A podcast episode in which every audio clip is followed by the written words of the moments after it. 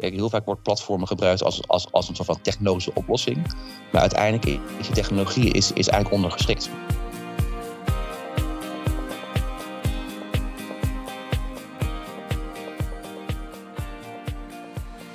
Welkom allemaal bij de podcastserie van RIBW Overijssel. Omzien naar elkaar. Waarin we kijken vanuit de verschillende perspectieven naar de veranderende maatschappij. En waarin we de zorg andersom organiseren. Waarbij de mens centraal staat. Ik heb een hele bijzondere gast vandaag waar ik ontzettend trots op ben dat hij de tijd heeft kunnen nemen om aan te schuiven. Martijn, Martijn Arets, welkom. Dankjewel. Ja, wat, zie, wat zie je er toch weer goed uit vandaag? Ja, dankjewel. Je hebt er zin in. Nou, heel goed.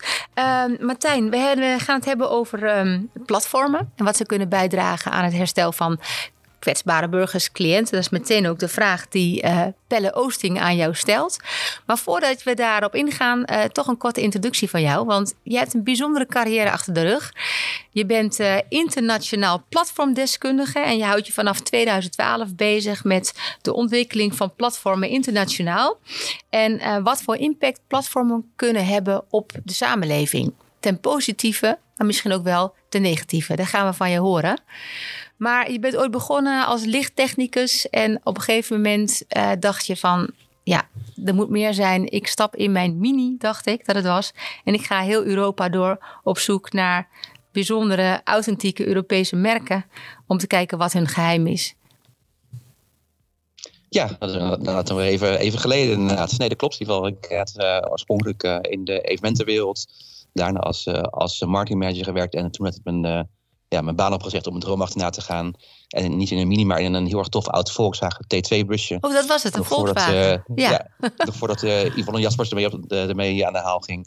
Dat we door Europa gereisd voor vijf maanden met de leiders van twintig grote Europese merken in, uh, in gesprek te gaan. Geweldig zeg. Ja, dat was denk ik een life-changing event, of niet? Ja, dat was wel bijzonder. Zeker uh, ja, met ook, ook daarin met de hoogte- en dieptepunten. En, uh, onder andere een, een laag sneeuw van anderhalve meter op de camping in Londen. Dat was redelijk een, een uitdagende bezigheid. Ja, en toen kwam de nieuwsgierigheid naar de platform die opkwamen in die tijd. Kan je daar iets over vertellen? Ja, ik, um, toen dus na mijn reis heb ik een boek geschreven, Brand Expedition. En eh, dat was een, een, een succes in Nederlands. Dus dat is altijd fijn als je een boek schrijft, dat mensen het ook gaan, gaan lezen. En ik wilde het ook de Engelse versie hebben. En ja, om dat te kunnen financieren was ik de eerste ter wereld die op basis van aandelen een crowdfunding campagne voltooide. Dus mensen konden dus een stukje van, van mijn boek kopen in een fysiek aandeel. En daarmee kon ik dus de, ja, de vertaling, de druk en alles daaromheen kon ik, kon ik bekostigen. Uh, nou ja, de eerste wereld, want uiteindelijk dat lukte. In iets van tien weken tijd uh, 20.000 euro opgehaald bij 171 investeerders. Zo. Uh, dus dat is mooi.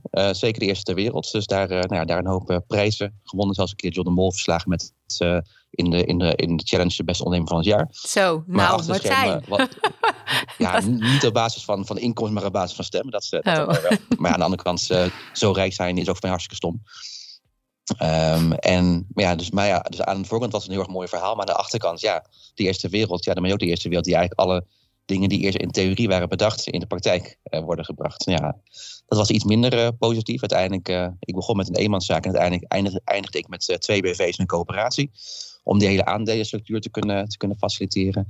Daar uiteindelijk ongeveer een, een, een ton op verloren. En toen gezien, ja, uiteindelijk die platformen die hebben heel erg veel, ja, heel veel potentie. Maar we willen het ook echt ja, voor iedereen werken. Dan moet er ook achter de schermen heel veel gebeuren. Ja, willen het ook voor alle partijen die meedoen werken. En van daar is eigenlijk mijn, mijn interesse en nieuwsgierigheid naar die platformen uh, gestart. Ja, Martijn, nou de, de link met uh, waarvoor we hier nu zitten. Namelijk, we zitten bij het RIBW. Uh, het gaat over ja, kwaliteit van leven en iedereen moet mee kunnen doen. En hoe dan? Um, hoe zie jij nou die technologie en die platformontwikkeling uh, en zorg gecombineerd. Is daar überhaupt een combinatie te maken, denk jij? Ja, ik denk dat er heel erg veel verschillende combinaties te maken zijn. Kijk, ik denk aan het begin misschien eerst van goed een beetje uit te leggen ja, wat een platform is. Want ja, tegenwoordig is natuurlijk alles een, een, een platform. Zelfs de, de lokale breiklub is een, is een platform voor creativiteit. dus uiteindelijk, kijk, dat is een platform wat zich heel erg kenmerkt. Is eigenlijk, ja, het is inderdaad een stukje technologie. Wat eigenlijk verschillende uh, partijen met elkaar verbindt. Hè, bijvoorbeeld marktplaats.nl. Stel bijvoorbeeld, jij wil een bepaald type ik wil een, een bepaald boek hebben, die, die lang niet meer wordt gedrukt. Uh, en ergens iemand in Nederland heeft dat ding liggen. En via Marktplaats ja, wordt eigenlijk die informatieasymmetrie, zoals we het noemen, wordt opgelost. Uh, worden drempels verlaagd om uiteindelijk dus ja, elkaar daarin te vinden. Uh, dus platformen die hebben heel erg ook een soort van ja, bemiddelende functie tussen twee verschillende groepen. en daarin faciliteren ze ook in die transactie door bijvoorbeeld het aanbieden van een betaalsysteem. Uh, als je kijkt naar de zorg, kijk, en daarbij wat het platform daarin ook weer uniek maakt, is dat platform ook gewoon heel erg die faciliterende functie kunnen hebben. Um, dus wat zij doen is waar normaal bijvoorbeeld dingen centraal worden gestuurd, bijvoorbeeld door, een afdeling personeelsplanning, geven nu opeens de, de, de, de mensen over wie het gaat de, de, de tools om het zelf te organiseren. Dus, je, dus je bepaalt wel als bijvoorbeeld HR-afdeling, als je kijkt naar arbeid, bepaal je wel van goh, dit zijn de voorwaarden. Over bijvoorbeeld werktijden, over tarieven, over veiligheidsinstructies, al dat soort dingen. Maar vervolgens, als je eenmaal die voorwaarden hebt gesteld en ook eigenlijk in een platform hebt ja, ingeprogrammeerd, um, kunnen eigenlijk de gebruikers zelf, hè, de, vaak vraag en aanbod, die kunnen eigenlijk vervolgens zelf met elkaar um, de zaken zelf regelen. oftewel, het proces staat niet meer centraal, maar degene waar het over gaat, staat centraal. En dat is echt wel iets wat ja, bij platformen heel, ja, erg kenmerkend is. En zeker als je kijkt qua zorg, zijn er natuurlijk heel veel verschillende ja, manieren te bedenken waarop platformen binnen de zorg een oplossing kunnen, kunnen bieden en ook nu al bieden. Oké, en kan je, kan je wat, wat voorbeelden geven? Wat voor jou zeg maar van nou, dat, dat zie ik wel zitten.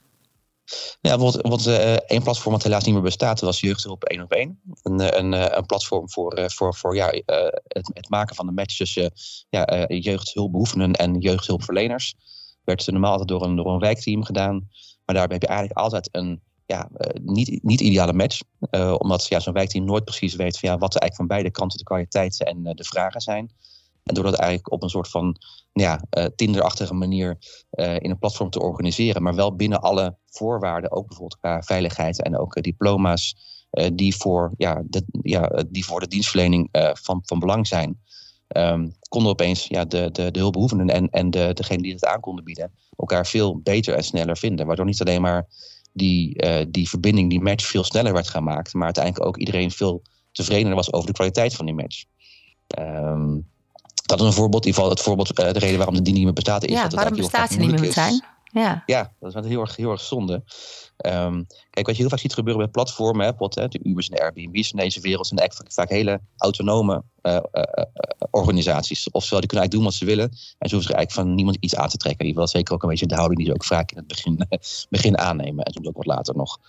um, wanneer je het hebt over dit soort dingen als bijvoorbeeld jeugdhulpverlening. Ja, dan, dan heb je uiteindelijk uiteindelijk ook te maken met heel veel verschillende andere partijen die er ook eens mee moeten. want, want ja, het, eh, het, het, het wijkteam, ja, die, die moet dat eerst doen. Dus ja, dan moet je eerst gaan kijken van ja, maar welke rol heeft dan het wijkteam erin? Hoe ga je om met ja, eh, de gewoontes en belangen vanuit zo'n team?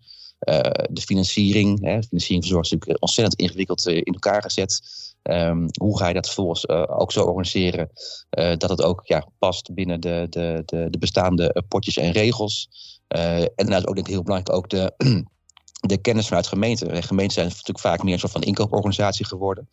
Dus er is heel weinig kennis van, van, van de zorg die eigenlijk wordt ingekocht. Het gaat meer echt over processen dan over inhoud.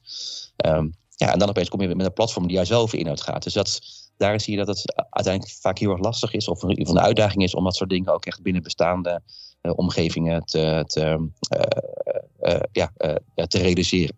En hoe kunnen we dat nou slecht? Hè? Want als ik je goed begrijp, zeg je van nou, het gaat eigenlijk over de inhoud. Maar we hebben het zo in proces georganiseerd dat we bijna niet zonder dat proces kunnen om bij de inhoud te kunnen. Um, nou, de, een platform zou dat allemaal weg kunnen halen. Mits je goede voorwaarden hebt en goede afspraken maakt. Uh, maar dat, dat, lukt dan toch niet. Wat, uh, en het is natuurlijk ook allemaal leren. Hè? Want dan hoor ik jou ook zeggen, Martijn, het is natuurlijk nieuw. Uh, we leren en dan kan het soms misgaan, maar daar leer je weer van. Wat kunnen wij hier nou van leren? En wat zou er dan anders moeten dan bij zo'n voorbeeld? Nou, ik denk wat, wat heel erg sterk zijn is als je het ook gewoon samen met degene ontwikkelt over wie het gaat. want als je iets van buitenaf ergens opplemt, jongens, oké, we hebben een toffe nieuwe technologie, dit is, dit is de toekomst en ga het maar gebruiken ja, dan is de kans redelijk klein dat iedereen daar heel erg gelijk blij mee aan de slag gaat. Uh, daarnaast ook natuurlijk ook in de ontwikkeling moet je ook, ja, uh, kunt heel veel aannames maken. Maar uiteindelijk zijn het ook de mensen die ook in de, in de dagelijkse praktijk ermee samenwerken. Ook degene die ook weten wat er ook echt allemaal gebeurt. Oftewel die een hele, hele waardevolle, ja, waardevolle groep hebben ook eigenlijk alle aannames die je hebt ook te kunnen, te kunnen valideren. Um, En daarnaast ook, kijk, heel vaak wordt platformen gebruikt als, als, als een soort van technologische oplossing. Maar uiteindelijk is die technologie is, is eigenlijk ondergeschikt. Technologie is natuurlijk hartstikke belangrijk, want zonder die technologie werkt het niet. Maar uiteindelijk als je wat kijkt naar zo'n transformatie naar bijvoorbeeld een meer platformgedreven zorgstelsel, dan gaat het over, over, ja, over mensen. dan gaat het over, over, strategie.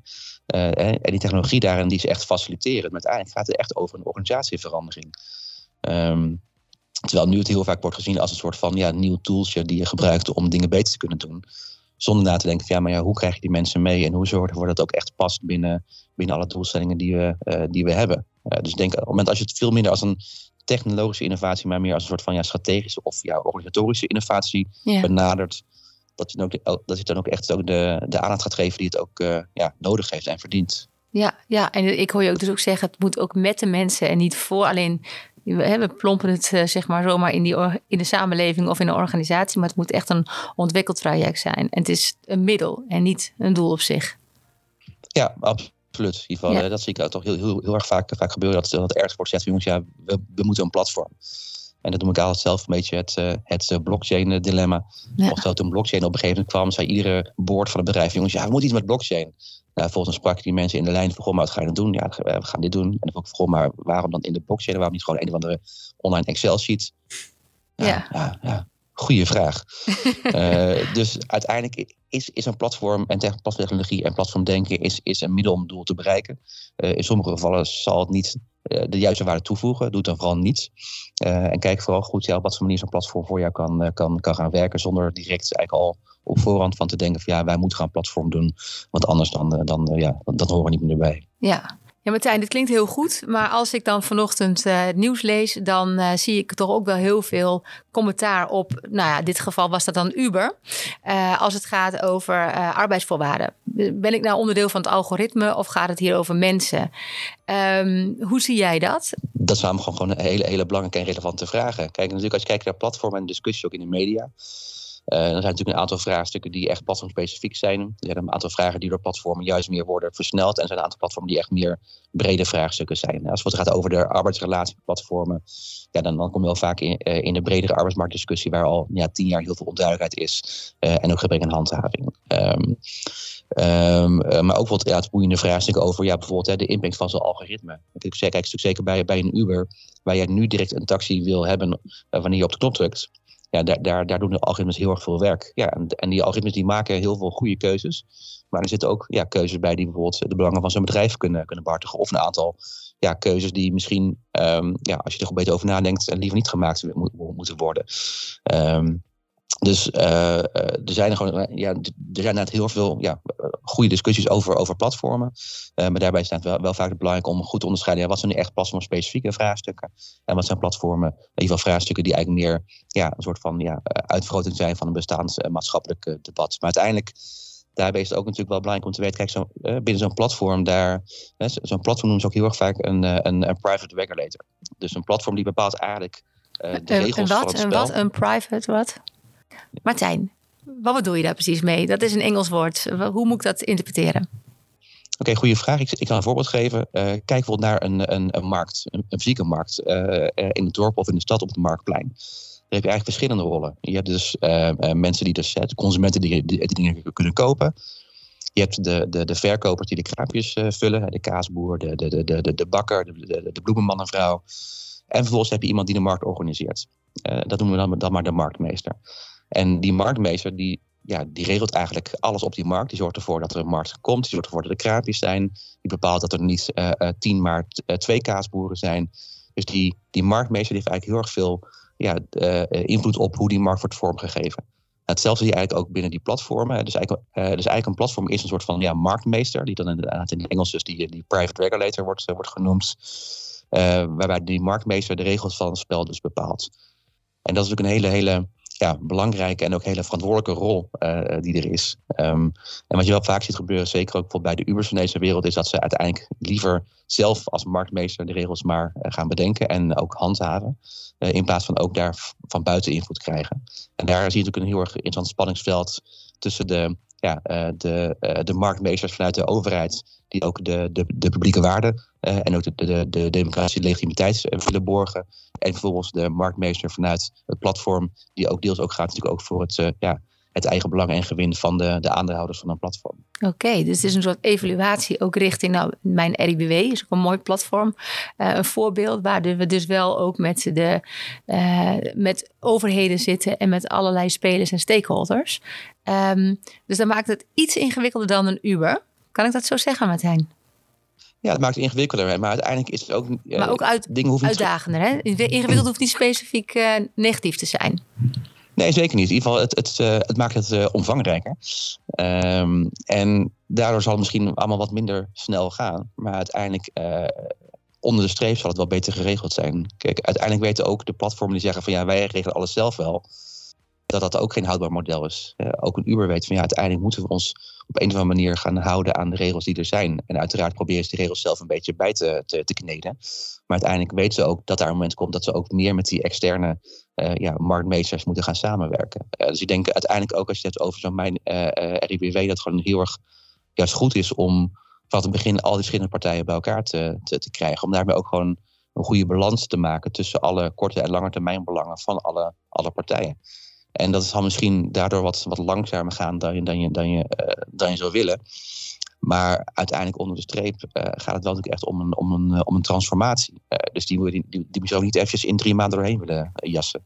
Ja, en die transformatie gaat er natuurlijk ook over wat de doelstelling is van het platform. regie houden en, en krijgen voor, de, voor, uh, voor mensen, voor burgers, voor kwetsbare burgers, kwetsbare mensen. En op die manier ook uh, in de lead zijn als het gaat over hun eigen herstel, dan wel over hun eigen ondersteuning. Um, ik heb een vraag aan jou van de, de vorige podcast-deelnemer. Dat is um, uh, Pelle Oosting. En Pelle Oosting die, um, is ervaringsdeskundige en directeur van Focus geweest. En werkt tegenwoordig ook bij RIBW Overijssel. En hij heeft een vraag en dat is deze. hoe draagt nou die platform, zo'n platform bij aan het herstel van cliënten of kwetsbare burgers? En heb je daar ook voorbeelden van die misschien niet in zijn totaliteit heel groot zijn georganiseerd, maar de kleine voorbeelden van wat er nu al ja, opkomt, zeg maar.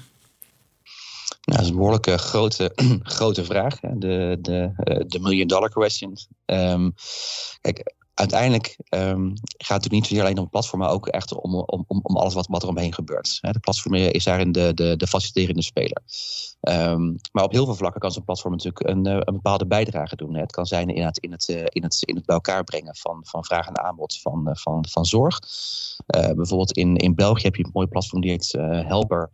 we weten dat, dat er een tekort is in de zorg en en dat tekort zal alleen maar groeien. We weten ook dat ja, zorgprofessionals ook heel veel taken doen die niet direct uh, ja, bij een zorgprofessional uh, horen. In de zin van dat is uh, ja, heel veel werk wat eigenlijk ook anderen kunnen doen, of zo'n mantelzorg. Helper is een platform die eigenlijk bemiddelt tussen vraag en aanbod van ja, meer mantelzorg gerelateerde taken. Waardoor uiteindelijk de zorgprofessionals ja, de, de, de tijd overhouden om dingen te doen die, ze echt, ja, die echt passen ook bij hetgene waarvoor ze zijn opgeleid. Uiteindelijk heel veel randdingen daaromheen door ook de anderen kunnen, kunnen, worden, kunnen worden opgelost. En je daarbij ook gewoon in uh, ja, wat, wat ja, uh, betere zorg ook kunt gaan, gaan bieden. Daarnaast hoor natuurlijk heel erg veel, ik, ik hoor heel erg veel in de media, maar ook in mijn vriendenkring heel veel zorgprofessionals um, klagen over de, de druk rondom, rondom administratie. Dat, ja, dat je echt een deel van je tijd bezig bent om, om administratie bij te houden voor, voor, de, voor de verzekeraar. Um, ja, dat zijn natuurlijk allemaal dingen die ook via die, die, die technologie natuurlijk veel beter kunnen worden uh, georganiseerd. In ieder geval, ja, uh, natuurlijk heel veel, heel veel briefjes die je nu nog schrijft. Hè, dat, uh, ja. Overal wordt nog, wordt, wordt nog met, met, met papier briefjes geschreven.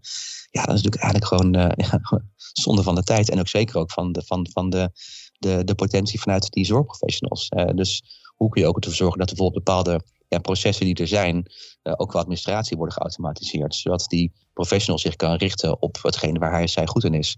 Uh, en dat zou het algemeen niet de administratie doen. Nee, precies. Maar dat is meer de, de digitalisering en technologisering van de zorg. Maar dat heeft dan niks met een platform te maken, toch? Of kan je dat wel, die administratieve last ergens in een platform procesmatig wegzetten? Nou, op zich, daarbij komt natuurlijk bij, natuurlijk, uh, natuurlijk bij de vraag van ja, wat is nou wat, wat is nou wel en wat is nou geen platform, wat is nu echt ja. digitalisering en wat platformisering. En dat is ja. een behoorlijk, daar is ook een behoorlijk grijs, grijs gebied in. Uh, en op zich, ja, voor uh, het praktische buiten ook niet zo heel erg vooruit ook hoe je het, hoe je het noemt. Ehm, maar ja, er zijn bijvoorbeeld ook platformen, bijvoorbeeld in Nederland, bijvoorbeeld thuis, thuisafgehaald.nl, tegenwoordig thuisgekookt.nl. Ja. Waarbij dus mensen dus ja, voor, voor, voor kwetsbaren in de buurt koken. Mooi. dus uiteindelijk kunnen platformen ook heel erg bijdragen aan ook ja, meer het creëren van die sociale cohesie in een buurt. Mooi. Waardoor we ook gewoon wat meer op elkaar gaan, gaan letten. Er zijn eigenlijk heel veel verschillende soorten manieren waarop platformen kunnen bijdragen aan het, uh, ja, uh, aan een betere zorg, een betere welzijn. Even bijvoorbeeld ook wat ontwikkelingen rondom bijvoorbeeld um, wallets, dus, dus ja, eigenlijk de dataportemonneetjes. waardoor uiteindelijk ook de, de patiëntdata gewoon veel beter is georganiseerd en opgeslagen. Uh, want ik zeker in de zorg, uh, ik, ik uh, ken behoorlijk mensen die er werken, die, die zijn erg fan van faxen. Um, ja, natuurlijk aan, aan, de ene kant vanuit een privacy oogpunt moet je niet willen, maar ook gewoon puur qua gemak. Ja, je wilt gewoon eigenlijk zo van, van, van, van, van één plek hebben waar jij als, ja. als zorgconsument, zorggebruiker bepaalt wie wat krijgt. en niet alles over, over wat tien keer hoeft in te vullen. Dus ja, daar zijn eigenlijk op heel verschillende manieren ja, innovaties te bedenken die ja, je soms echt duidelijk als platform kunt zien en soms een beetje in het uh, grijze gebied zitten. Ja, mooi. Dankjewel voor deze uitleg, Martijn. Ja, jij zegt ook heel duidelijk, platformen uh, dragen bij aan het creëren van sociale cohesie van buurten. En dat vind ik heel mooi wat je zegt, want volgens mij staat een hele mooie link bij waar het RIBW voor staat. Hè. RIBW Overijssel staat daar ook voor. En we willen omzien naar elkaar, naar cliënten, naar mantelzorgers, medewerkers, stakeholders, enzovoort, enzovoort. Um, en we willen onze dienstverlening ook echt gaan veranderen. Um, maar soms in die platformeconomie lijkt het op gespannen voet te staan. Hoe zouden we daarmee kunnen omgaan, Martijn? Wat, wat is jouw idee daarbij?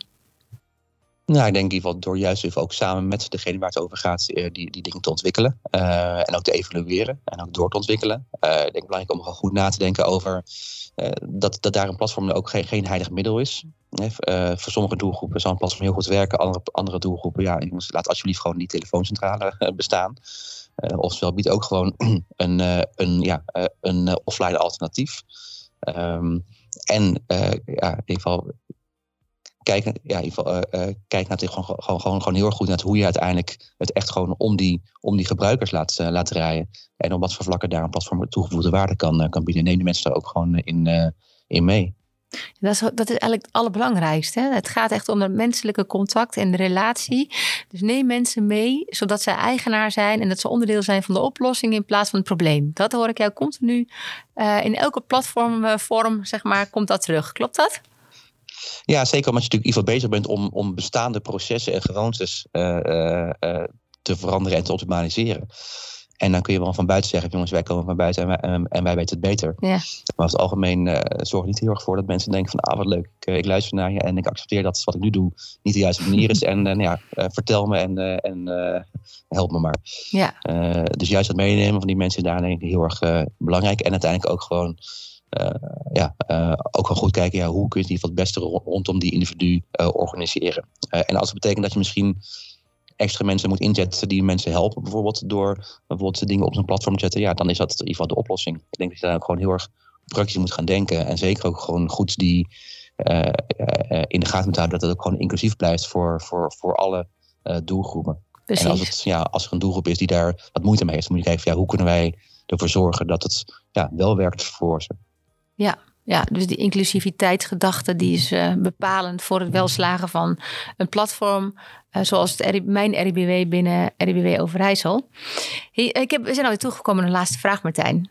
Ik kan nog uren met je nou, praten, maar helaas, het gaat super snel. Uh, nou, we hebben in elke aflevering vragen wij de spreker, de gast, een vraag te stellen aan de volgende gast. En de volgende aflevering is dat Theo Den Hartog. Hij is eh, bestuurder van Lister. Uh, dat gaat uh, een organisatie die zich houdt met, uh, met begeleiden van mensen met, een, met psychische kwetsbaarheid. En we spreken dan onder andere over de samenwerking tussen de buurt en de RIBW-instellingen. En hoe zo'n platform nou een brugfunctie kan, kan vervullen tussen die twee. En heb jij een idee wat jij Theo wil meegeven? En heb jij wellicht een vraag voor hem? En waar ik vooral benieuwd naar ben, is op wat manier hij denkt dat een platform uh, waarde, kan, waarde kan toevoegen voor degene waar hij mee bezig is. En wat de eerste stappen zijn uh, om dat te, te realiseren. Oké, okay, dus de waarde toevoegen van een platform voor zijn organisatie en. Waar begin je? Waar begin je? Nou, dat is hartstikke concreet. Dankjewel, Martijn. Ja. ja. Waarde toevoegen van het platform voor, voor Lister en waar begin je? Dat is de vraag aan, aan Theo. Nou, Martijn, ik uh, wil je ontzettend bedanken voor jouw uh, waardevolle input. Het is mij heel wat duidelijker geworden wat nou precies platformen zijn en hoe we ze zouden kunnen inzetten. Ook um, dat het geen middel op zich is, uh, of dat het geen doel op zich is, maar dat het een middel is om ergens toe te komen. En um, dat nou ja, de randvoorwaarden en de stakeholders goed meegenomen moeten worden um, om het daadwerkelijk te laten slagen. Maar dat het een enorme mooie nieuwe manier van kijken is en denken is. Hoe we medewerkers en uh, mensen met, uh, met, met een bepaalde kwetsbaarheid toch in de lied kunnen zetten in hun eigen leven en in hun eigen werk. Dat is wat ik ook geleerd heb van jou. Nou, dat is een mooie samenvatting. Mooi, dan wil ik je ontzettend bedanken en wellicht tot, tot de volgende keer. Graag gedaan. Nou, dames en heren, mocht u nou helemaal enthousiast zijn over de ontwikkeling van platforms en wat dat allemaal zou kunnen betekenen in de toekomst welke mogelijkheden daartoe zijn, ja, dan kunt u ook het boek van Martijn bestellen uh, via bol.com, de platformrevolutie, maar hij ligt ook gewoon natuurlijk bij de plaatselijke boekhandel.